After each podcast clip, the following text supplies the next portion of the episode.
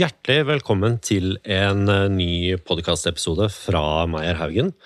Jeg heter Bjørnar Angel og er eh, forholdsvis ny i rekruttering. Og akkurat det tenkte vi å benytte til å stille litt av disse dummy-spørsmålene.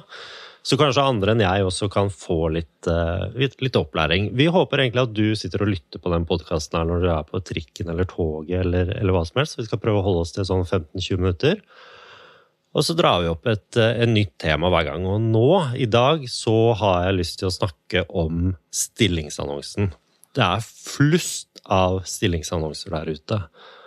Og den jeg har med meg, det er jo ingen ringere enn Sverre Hauge, som ikke er vant til å bli intervjua. Nei, jeg er egentlig mer vant til å være intervjuer selv, faktisk. Eh, nettopp. Vi skal snakke om intervjuteknikk i en annen episode, men, men nå, skal vi, nå, skal vi, snakke om stillingsannonsesvaret. Og hvor sentral er egentlig stillingsannonsen?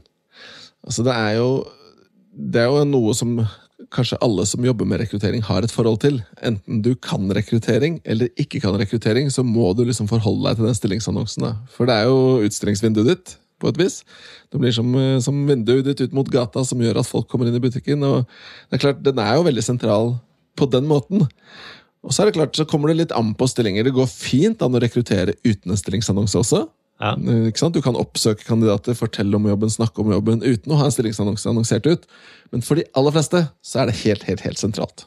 Ja, og hvor viktig er den når, når, noen kommer til oss? Altså, Hvordan er det vi jobber med den? Hva er det, hva er det, hva er det som definerer stillingsannonsen? Altså For oss, da, når vi sier oss som i Meyer Haugen, så er jo vi opptatt av at den stillingsannonsen skal være god. Det vil si at den faktisk skal kommunisere de riktige tingene. For, for, vi vet at det har jo mye å si. Og det er jo mye som er likt, og det er mye Det skrives veldig mye dårlige stillingsannonser, da, totalt sett. Og det gode med det bra med det, da, det er at det skal det ikke så mye til for å skrive litt bedre. Uh, er, så vi prøver å skrive gode stillingsannonser. da. Så, og der er vi jo rett inn i kjernen av det jeg har lyst til å spørre om. fordi at er ikke stillingsannonser egentlig bare fulle av floskler? De blir fort det. Veldig fort fulle av floskler. Eh, og det er klassiske floskler som at du må være flink på å jobbe i team og jobbe selvstendig, og det er eh, at man søker etter en som er sulten og foroverlent og ditten og datten. ikke sant? Og så er det ofte mye krav, og så kan det være mye som er likt, og det man ofte lurer på som jobbsøker, det er hva det egentlig denne jobben handler om. Er det egentlig for meg? Er det egentlig noe poeng å søke? Kommer jeg til å få jobben? Hva er det egentlig de vil ha? Eh, og det er ikke alltid like lett å finne ut av.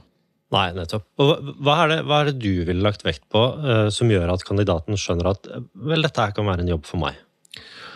Jeg tror sånn overordna en av de største feilene som gjøres, og som har blitt gjort tradisjonelt, og som fremdeles gjøres veldig mye, det er at når man skriver stillingsannonsen, så tenker man på sitt behov som arbeidsgiver. Så tenker jeg på hva er det jeg trenger, og hvorfor er dette så viktig for meg? Og så prøver man liksom å selge det inn på et vis, men hele annonsen bærer ofte preg av at jeg skal ha noe, og derfor krever jeg, og jeg trenger dette. Så tenker man for lite på hva er det som er viktig for kandidaten. da. Uh, men, men er, ikke det, er, ikke det, helt logisk for en arbeidsgiver å ta utgangspunkt i hva man trenger selv? Jo, det er helt kjempelogisk. Det er et paradigme som vi har jobba etter i mange mange tiår, og som vi fortsetter å jobbe etter. Men det som har skjedd rundt oss, det er jo at markedet har forandret seg. fordi før så var det jo i veldig mange, større, mange flere bransjer sånn at det var et overskudd på søkere. Nå er det mange jobber hvor du ikke har det. Hvor du har få søkere som kommer inn, og da er du nødt til også å tenke litt mer på selgeren da, og hva som er viktig for kandidatene til de stillingene. Ja, er det, er det, faktisk litt sammenlignbart med bankmarkedet, det her? Altså, Før så kom man, sto man med lua i hånda, gikk inn disse store dørene til banken og ba aller ydmykst som man kunne kanskje få et lån, mens i dag så er det jo bare å shoppe vilt. Er det det samme i arbeidsmarkedet? Ja, da har ikke jeg tenkt på den parallellen som, som liksom, uh, det bildet før, da. Men, men, at det er en likhet mellom det, det er det kanskje. For det er i hvert fall tilfellet at uh, det er ikke sånn at du kan bare legge ut en stillingsannonse, og så får du de riktige søkerne lenger. Det er veldig mye dårlige søkere, og det er delvis markedet sin feil. Og så er det delvis din feil fordi du har skrevet for dårlig stillingsannonse. Ja, skjønner. Eh, men apropos hvordan ting var før. Hvordan så stillingsannonsen ut før? Kan du, kan du gi oss et bilde av det?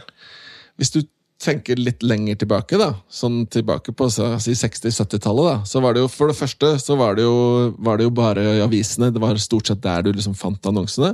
Og da var de også veldig korte. Veldig korte og konsise, og, og mange stillingsannonser samla inn på én eh, side.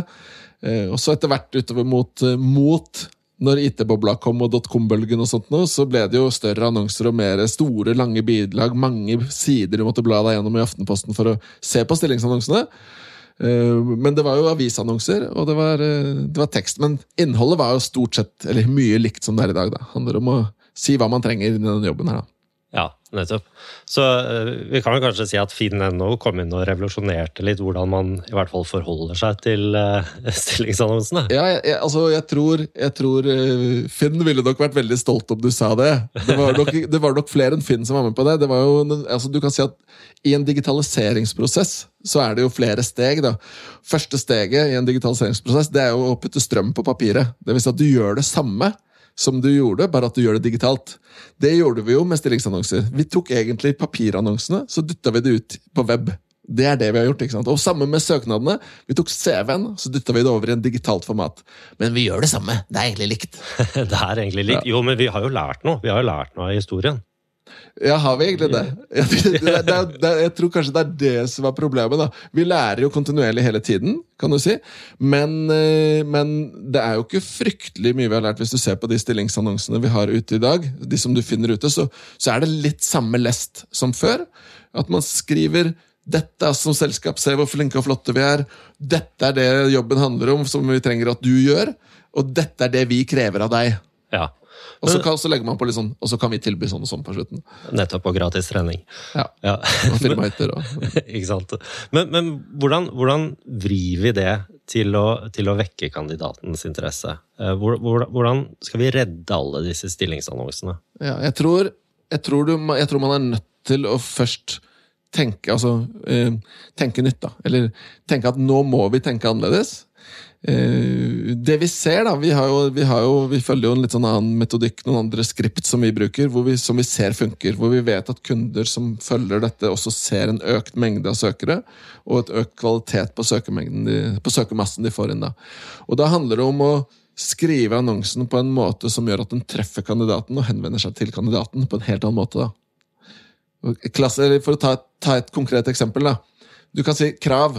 Du må jo som arbeidsgiver si hva du ser etter, åpenbart, for det, det hjelper jo meg også som jobbsøker, for det lurer jo jeg på hva vil du ha. Men om du sier at denne jobben krever at du er strukturert, så er det veldig sånn derre Du krever, jobben trenger det. Det er veldig fokusert på bedriftens behov. Da er det mye bedre om du f.eks. skriver at vi tror at denne jobben krever struktur. Da er du litt, litt mer kandidatvennlig, litt mer ja. ydmyk. Men aller mest kandidatvennlig, det er det jo hvis du skriver hva har det å si for deg som kandidat. Da kan du skrive f.eks.: Hvis du er veldig god på struktur, så er dette en kjempespennende jobb for deg. Nettopp. Og da har du jo sagt at du trenger struktur, men du sier det på en måte som treffer kandidaten. på en helt annen måte. Og der har du distinksjonen.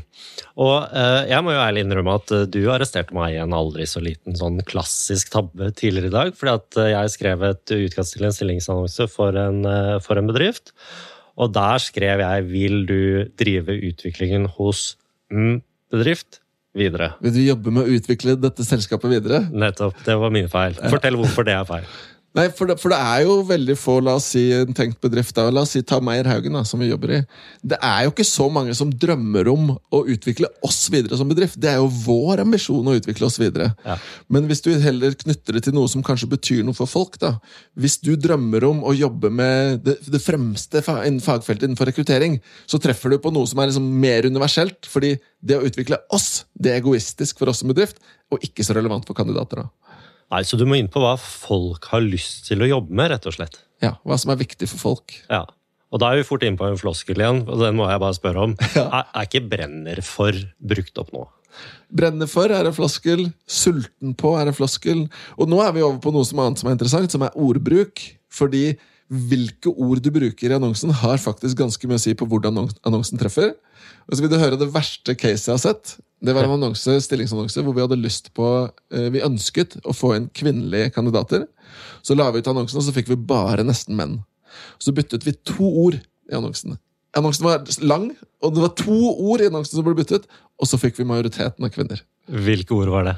Uh, og det er jo nesten, nesten altså Man skulle jo tro at det er nesten litt trist å si, men, men det var to ord, og det gikk vekk fra da sulten og ambisiøs, eller, eller noe tilsvarende, til ydmyk og lærevillig. Ja. Og så kan man si hva man vil om at ja, men det er jo trist og det er dumt, og sånt, men det er faktisk sånn at vi ser, når vi ser på data, bare rent databasert Det handler ikke om hva man tenker om kjønnsdiskriminasjon, eller noen ting, men ulike ord tiltrekker ulike målgrupper. Og det vi ser er at det er noen ord som i større grad tiltrekker kvinner, og noen ord som i større grad tiltrekker menn. Ja, Det er interessant. Så det skal faktisk arbeidsgiverne ha in mente når de skriver annonsen sin? Altså, man, eh, jeg, jeg tror det kan være vanskelig å ha det i mente. Eller man bør jo det. Man bør tenke over det. Men det kan være vanskelig å vite alle disse ordene og se hva som treffer, og hvordan man treffer. Men, men det å ha et bevisst Jeg tror det viktigste du gjør, er å ha et bevisst perspektiv på hva er det du uttrykker. Ikke sant? Hvis du bruker det, hvis du tar floskelen igjen, da. Hvis du vil ha en rekrutteringsninja, så er det kanskje sånn at det tiltrekker en type mennesker, mens det ikke tiltrekker en annen type mennesker. Så at man har bevisst forhold til hva slags språk man bruker. da. Ja, Nå skal ikke jeg spørre hvor mange rekrutteringsninjaer det finnes der ute. men, men, men, du var inne på det. Eh, dere endra eh, to ord i en, i en, annonse og fikk eh, opp kvinneandelen. Men hvis du skulle liksom grave dypt inn i det minnet du ikke har lyst til å gå inn i, hva er, hva er den største tabben du har gjort? Når det gjelder stillingsannonser? Ja. Altså, det er jo Det er jo eh, Jeg tror nok hvis vi ser på tabber i stillingsannonser, så er det kanskje av og til vanskelig å avsløre dem. Fordi hva er liksom symptomet på den tabben? jo Det er sannsynligvis at ikke du får noen kandidater som søker. Så hvis du skriver en dårlig, hvis du skriver noe feil, så får du ikke de søkerne. Og så kanskje du aldri finner ut hva tabben var. Nei, Så det er egentlig ikke noe svar på det? Ja, men Det er jo noen klassikere. da. Det blir litt sånn som Hvis du som jobbsøker skriver CV, og så glemmer du å putte på e-posten og telefonnummeret ditt. så er det samme. Jeg har jo gjort det, og det er ikke veldig lenge siden jeg hadde en annonse hvor jeg glemte å skrive arbeidssted. Og da fikk jeg masse henvendelser fra hele landet. sånn, 'Går det an å jobbe i Rana og i Bergen?' osv. Det, det blir jo litt ekstra jobb, da. Ja, ja. Og hvor kritisk den tabben er, kan man jo lure på. Men det er, det er jo greit å få med seg den, the basic stuff. Hvertfall. Ja, ja, det skjønner jeg. Den, eh, men det, den går vel på kontoen slurvefeil, gjør den ikke det? det? Det må den nok gjøre. Eh, nettopp. Selv om det er blitt atskillig vanligere å jobbe fra rundt omkring i hele landet under den Ja, pandemien. ja. Mm. Men eh, Sverre, hvis du skulle oppsummere for eh, både meg, som skal skrive en haug med stillingsannonser i tiden fremover, og de som måtte høre på her nå. Mm. Kan, kan du komme med tre helt konkrete tips for hva vi bør tenke på? Ja. Jeg kan prøve, i hvert fall. Så er det klart, det er liksom, Da blir det litt å velge, da. For det er, jo litt som, det er jo på mange vis et fag. Nå har du jobbet med kommunikasjon, så du er god på kommunikasjon. Og jeg tror mye av det handler om det samme som er retningslinjer og regler i god kommunikasjon i andre settinger. da.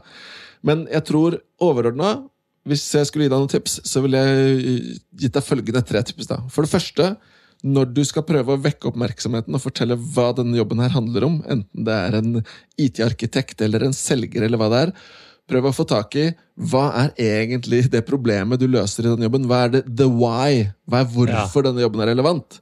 Det veldig mange gjør, er at de skriver at vi er så og så store, vi har kontorer i de og de landene, og sånn og sånn. og sånn. Så de, skriver, de beskriver hva de er, og hvordan de ser ut, men de skriver ikke hvilket problem er det vi som bedrift skal løse. Og det er en veldig fin innledning i en annonse å si at vi som bedrift vi har på dette viktige oppdraget, og vi skal faktisk sørge for å skape bedre logistikkløsninger for folk. eller whatever. Ja. Og så si det som er problemet der, det er at for å lykkes med det, så trenger vi de beste sånn og sånn og sånn. Og her kommer kanskje du inn. At du drar liksom leseren inn til å være den som kan løse problemet som, som har dukket opp. da. Nettopp. Så det første vi snakker om her, det er why. The why. Ja, the why på godt For- norsk. ja, Ja, beklager det, men Så, eh, ja.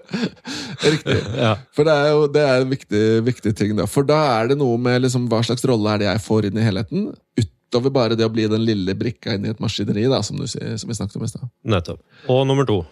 Nummer to, så ville jeg tenkt på det vi snakket om med kandidatorientering. At du skriver annonsen. Tenk på hva er det som er viktig for kandidaten, hva er det som treffer kandidaten. Det er sånn at Du trenger ikke liste opp alle kravene i stillingen. Noen av de kravene kan du heller sjekke ut når folk har søkt. ikke sant? Hvem er det for som vil si at ikke de er flinke til å jobbe i team? Eh, Det er veldig få som vil si at 'jeg er ikke noe god på å jobbe med folk'. jeg. Ja, men der har du det samme. Ikke sant? Du skal både være selvstendig og samarbeids... Ikke sant? Ja. Ja. Mm. Og det er jo unødvendig å si, for det er ingen som leser den annonsen og så tenker de, å nei, men jeg kan jo ikke både jobbe selvstendig og i team, derfor vil jeg ikke søke. Så sånne ting kan du ta vekk. Og de kravene du velger å ta med, skriv dem sånn at du, kandidaten liksom skjønner hvor, hvorfor disse treffer. da. Så det kan vi kalle Kandidatorientering, var det du brukte? Kandidatorientering er Kandidatorientering. veldig, veldig viktig. Ok, og nummer tre. Nummer tre er veldig konkret og veldig egentlig lett å gjøre, og også veldig veldig vanlig å gjøre feil. Og det er at vi kommer med påstander hele tiden i stillingsannonsen. Påstander, ja. Masse påstander. For Ja. eksempel Vi tilbyr et veldig godt arbeidsmiljø, eller vi tilbyr spennende karrieremuligheter. Det har vi skrevet alle sammen før. ikke sant? Ja, ja, det har du også sikkert vært borti. Og spennende er et velbrukt ord. Ja, ja, Men hvordan vet jeg hva som er spennende for deg, da, Bjørnar? Fordi det du tenker er spennende som karrieremulighet, kan jeg tenke er dritkjedelig. Riktig. Så det er en påstand som kan være sann eller ikke sann. Det vet jeg ikke, for det kommer an på leseren. ikke sant? Så derfor bør du isteden si her er karrieremulighetene A, B og C. Og så kan jeg som leser definere om det er spennende eller ikke. Så være mer beskrivende og mindre påstander. Nettopp. Så du må, du må rett og slett forsøke å være objektiv når du beskriver din egen arbeidsplass. Ja, være litt mer konkret. Litt mer konkret og objektiv. Ok, Så da har vi tre tips når du skal i gang med å skrive en stillingsannonse, eller jeg, for den saks skyld. The why, på godt norsk. Kandidatorienteringen. Mm. Og ikke strø om deg med positivt lade påstander om egen arbeidsplass, men skriv nøktern og konkret hva mulighetene er der. Riktig? Enig. Ja. Bra. Da har du hørt på en uh, kort episode fra Meyer Haugen om stillingsannonse. Vi kommer til å kjøre flere temaer, så det er bare hyggelig om du lytter inn igjen. Takk skal du ha, Sverre. Tusen takk.